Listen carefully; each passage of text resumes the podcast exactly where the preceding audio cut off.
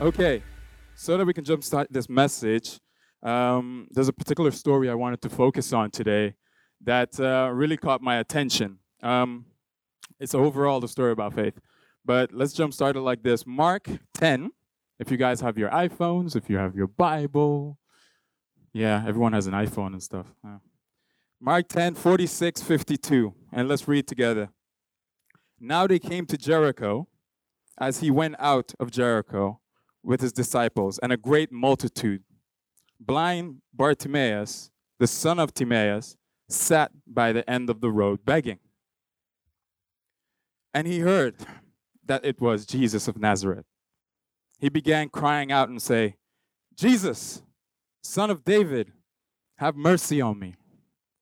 Have you guys ever had that feeling where you're so stuck in a storm that you feel as though, you know, you pray const- constantly and you believe that God is going to make a move, but then you actually have that feeling where, man, I want to scream my lungs out to ensure that God can actually hear me. I'm, I'm sure because I always have it. but God continue to provide regardless. And I believe that. So when I think about ourselves and I think about our family and stuff and where the path we had to go through, me and my wife, and now beautiful son Xander, um, we come to realize that we're all on the journey together.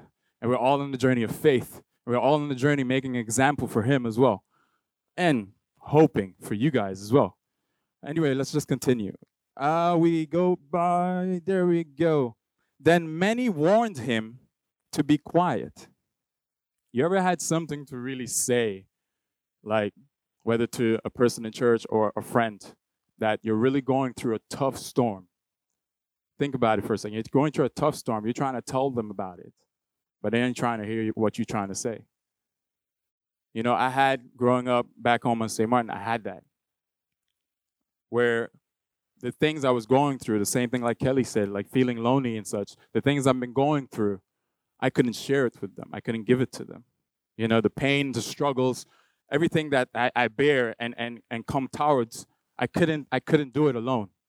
But I felt always alone because even when I was in a crowd about 50, 30 guys around me all the time, it didn't make a difference at all because they weren't willing to open and hear. Then I came to COC about five years ago, and you come to realize that you're sitting in a room full of people that loves you.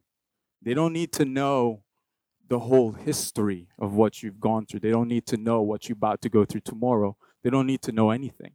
They just need to know that if God loves me that much, He loves you, and I'm willing to share it.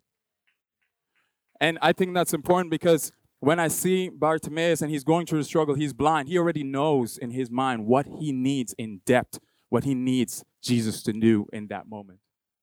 And I think that's important for all of us because sooner or later, when you realize everything we're asking for, you're like, God didn't do this yet, or He's taking too long, or, but the thing is, whose time is it really? Whose time is it really? Because I think that's important to know that. He continues screaming, he's saying, Jesus, Son of David, have mercy on me. And he continued, he said, Then he called the blind man, saying to him, Be of good cheer and rise. Sometimes in life, you need to shout from the bottom of your lungs what your issues is. Honestly speaking, because sometimes when you see the struggles that everyone goes through and you realize you're in the same storm as well, you're screaming and you feel as no one's listening to you. Trust me, with the passion and the heart and the lungs that you're screaming at, Jesus is actually hearing you. He's focusing really on what you have to say. But the thing is, you can't give up saying what you're saying. You can't give up going through the motions. You can't give up um, praying and believing and knowing in your heart that God is going to make a move forward. So he continues by saying, Be of good cheer, rise. And he says, He's calling you. Uh, and throwing aside his garment, he rose and came to Jesus. So Jesus answered him and said to him, What do you want me to do for you? Everyone here sitting in a congregation has a journey they're taking, personal journey, whether it's with Christ or trying to find Christ or not with Christ at all. We all have a journey. And I believe that every person here has a struggle that they go through as well, and you learn from it. You see, the thing is, sometimes, particularly for myself, when when I'm praying for a particular thing, I realize that I'm just praying for the face of what the issue is. I'm just praying for the cover of what the issue is. And for yourselves as well, I want you to focus on that. I mean, right now you're going through a storm, whether it be financial issues, but maybe that's not what you really need to be praying for. So Bartimaeus screamed out. He screamed out with all his lungs and everything he has in his heart because he knows Christ is gonna heal me in this moment. So he continues by saying, uh, so, so Jesus said to him, What do you want me to do? The blind man said to him, Rabboni, that I may receive sight. Then Jesus said, Go your way, your faith had made you well. And immediately he received sight and followed Jesus on the road. Your faith had made you well. Something as small as a mustard seed has made you well. I want you to look to the person next to you, give him a high five, and say, This is a move.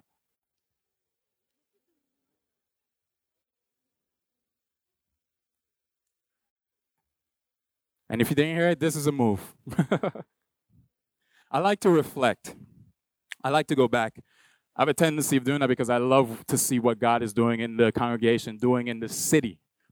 Uh, a few a couple weeks ago, we were talking about the numbers, how particular people were saved, uh, particular people was changed um, or healed with cancer, um, people with financial issues, goals um, being met, um, going through the motions in school, everything being overcome. And the numbers that I'm looking at throughout the year is awesome to see because God is working in the midst.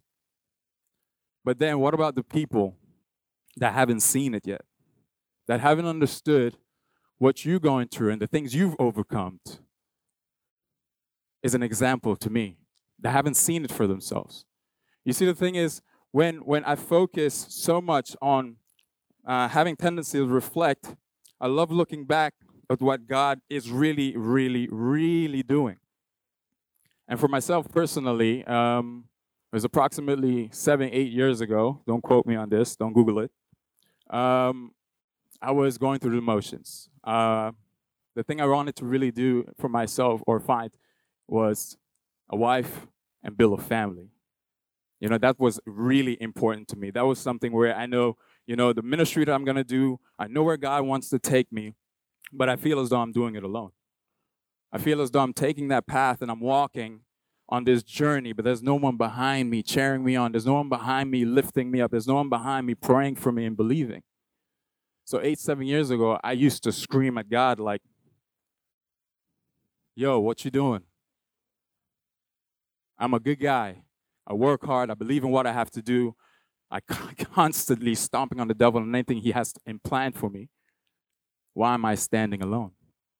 Why am I not believing and knowing and feeling what you have for me? Believe it or not, four years later, I was still single. I was still praying. I was still believing. I was still knowing that God is going to do something. If you guys know the lovely lady that's standing back there, four years after that, I walked on the path. Thank you very much. I walked on a path where, simply as that, I was taking photos at the 20th anniversary, and I ran into someone really tall. I mean, she had the ridiculously high boots, about this high. If you know Crystal, you know. Anyway. And I'm like, oh, oh, oh Lord, who's this? And I just went on doing my business. But to fast forward the story, I'm sitting down in a service. And I'm sitting down in a service and I'm like, what is she doing here? And the funny thing is, if she ever told you how we met, all I heard was this cluck, cluck, cluck, cluck. And that was the sound of the heavy shoes that she had walking into the services. So you knew she was there. Or the Holy Spirit, whichever. But um so to fast forward the story again, I realized a couple, a year or two later, we started talking and started believing. And can I be can I be real with you guys? I needed to still fix something. I needed to still go beyond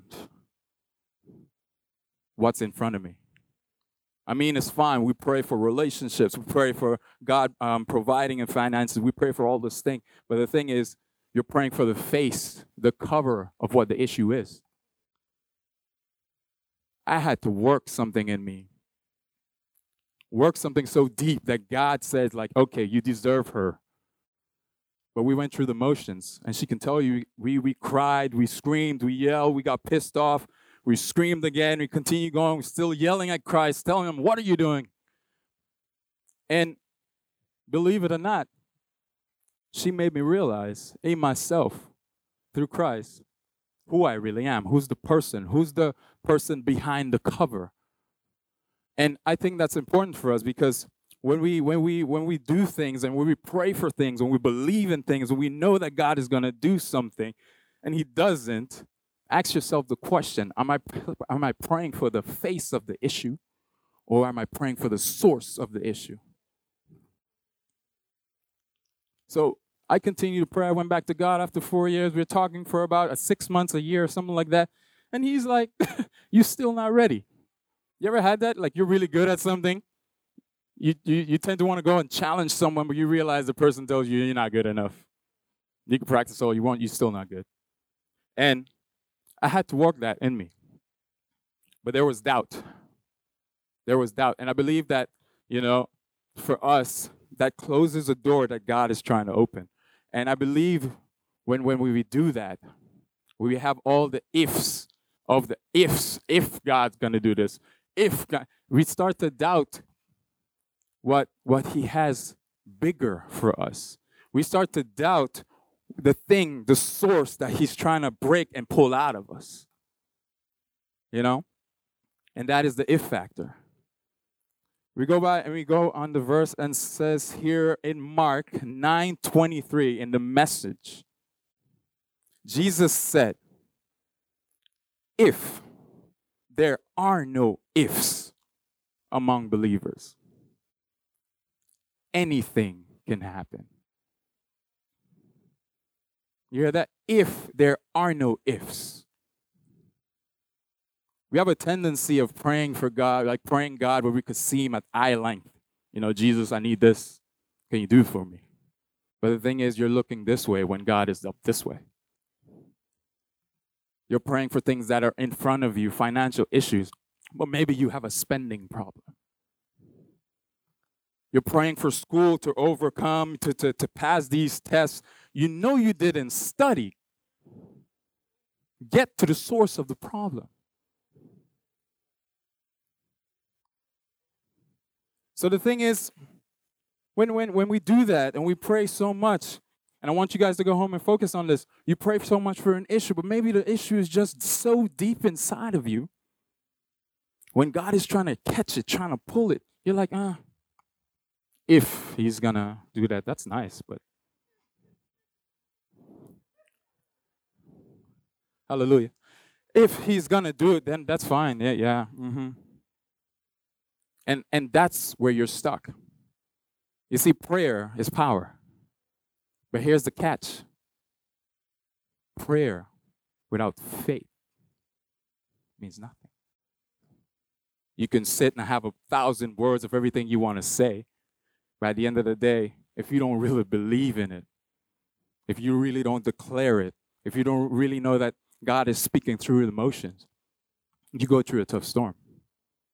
Until God realizes, you know, I'm, I'm going to pull you once, see how, how far ahead you get, and see what you do with the situation that you're standing in right now.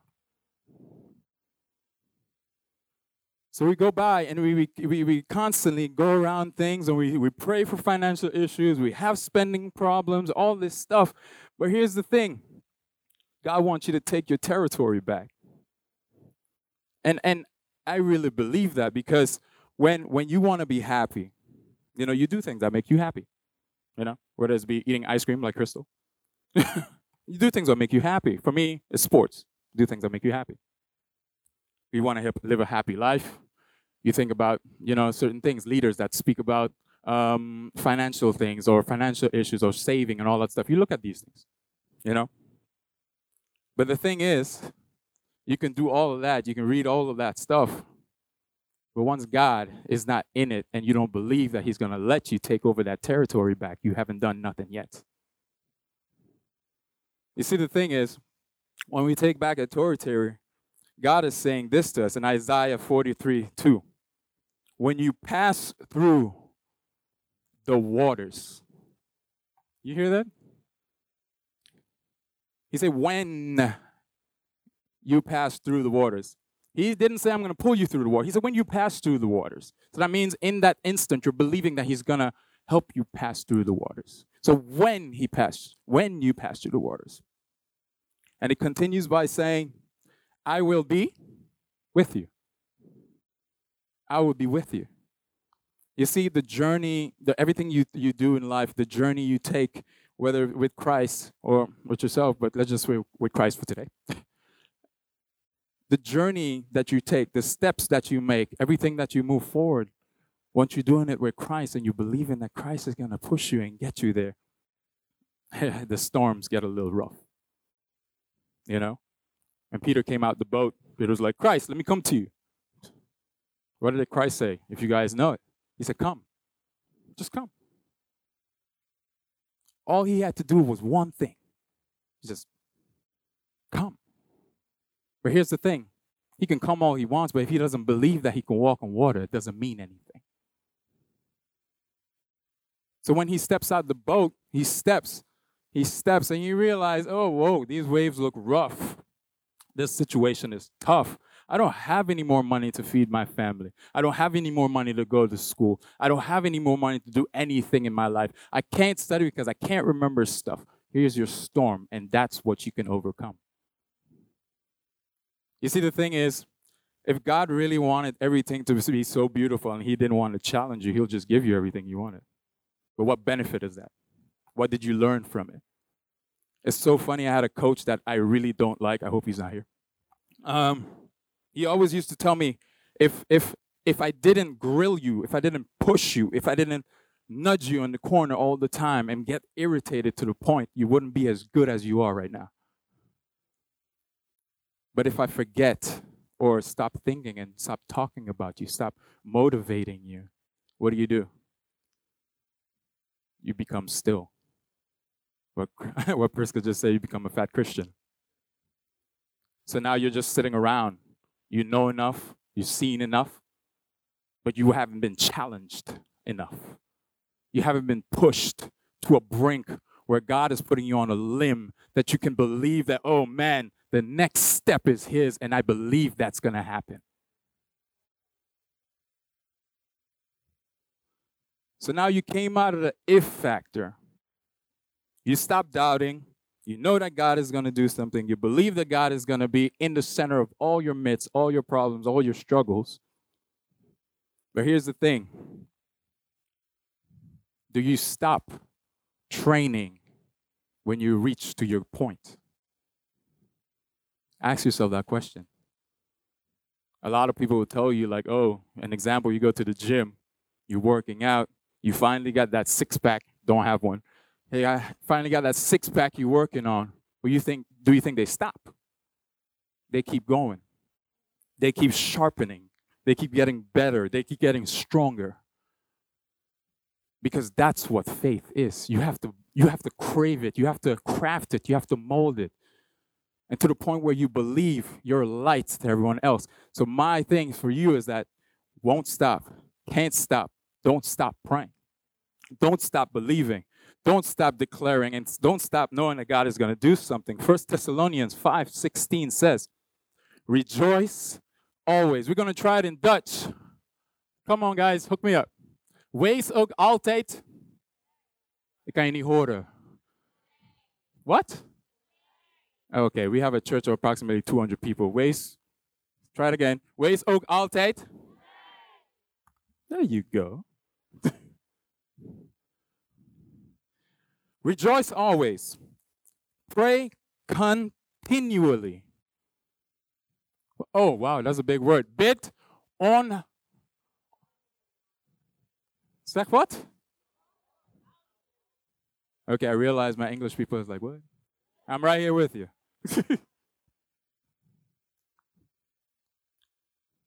Give thanks in all your circumstances. God has an interesting way of writing stuff. He said, Give thanks in. You guys sleeping? Give thanks in all your circumstances. All. He didn't say one, he didn't say two. He said every single thing that you go through, no matter how big it is to yourself, give to all. And he continues by saying this for yeah, for this is God's will for you in Christ Jesus. I love that. It was a challenge for me, honestly speaking. I can stand here and say all I have to say, but I had my struggles as well. You know, growing up as a pastor's kid, you see it. You see what your dad do, you see what your mom do, you believe it, you you know it, you learn it, you understand it, you know. But sitting and watching them for me growing up, it's just me gaining knowledge, it's just me doing what, you know, what what what my mom and dad did. But was it really for me? No, was it really my choice to, to say that, you know, Christ is good, God is good? Was, was, it, was it my choice? Was it because I saw it all the time in front of them, which they were great examples, don't get me wrong. But was it a choice for myself? What I love about baptism, what I love about this service today, is the fact every single person that stood here planted their feet on the ground and said, Christ got this. And in the mission and the and, and journey that you t- you're going through after your baptism, that Christ got this. The waves and the storms may be pushing you left and right, but what? Your financial issues may be so tough and so hard, you can't provide, you can't do anything, but what? You've been studying, you've been believing, you've been knowing that Christ is going to do something. But then you're like, uh, you know what? Yeah, he's going to do something. So what? What's your focus? What are you praying for today? What are you believing for today? Take a second if you want to do this as well. Think about it. What are you praying for today? Are you praying and believing that God is going to take away the source of the issue? Or are you praying and believing that God is going to just take away the face of the issue? Funny thing is, you know who's usually the face of the issue? The enemy. Because the thing is, he knows if he pushes you off the things you do, pushes you off the, the track you're on, you'll never get to the source. So even if you heal the situation for a little bit, he's like, oh, you're going to come back sooner or later because, yeah, I have the source. It's right deep inside of you, so it's okay. I snap my fingers and I do what I need to do. And when the source catches you and the source holds on to you, no matter what, it's going to always be a face of the issue in front of you. Like I said before, I mean, if you if you if you know financial issues are the problem, maybe spending is the problem. If you want to graduate, you want to become something in life, maybe studying is the source of the problem. I want to encourage you guys today. As the worship team comes up, I want to encourage you guys this particular moment. I found this link that I really think is going to make you think a little bit. It says, Faith is the bird that sings when the dawn is still dark. Listen to that. Faith is the bird that sings when the dawn is still dark. Faith is the light at the end of the tunnel. So I want you guys to stand up with me at this moment. Am I good on time? And I want to declare everything for you right now. Because right now, this is a move. This is what's going to happen. I want you to take a minute while the worship team deep down goes into this music, goes into this song of worship. And I want I don't want you to think about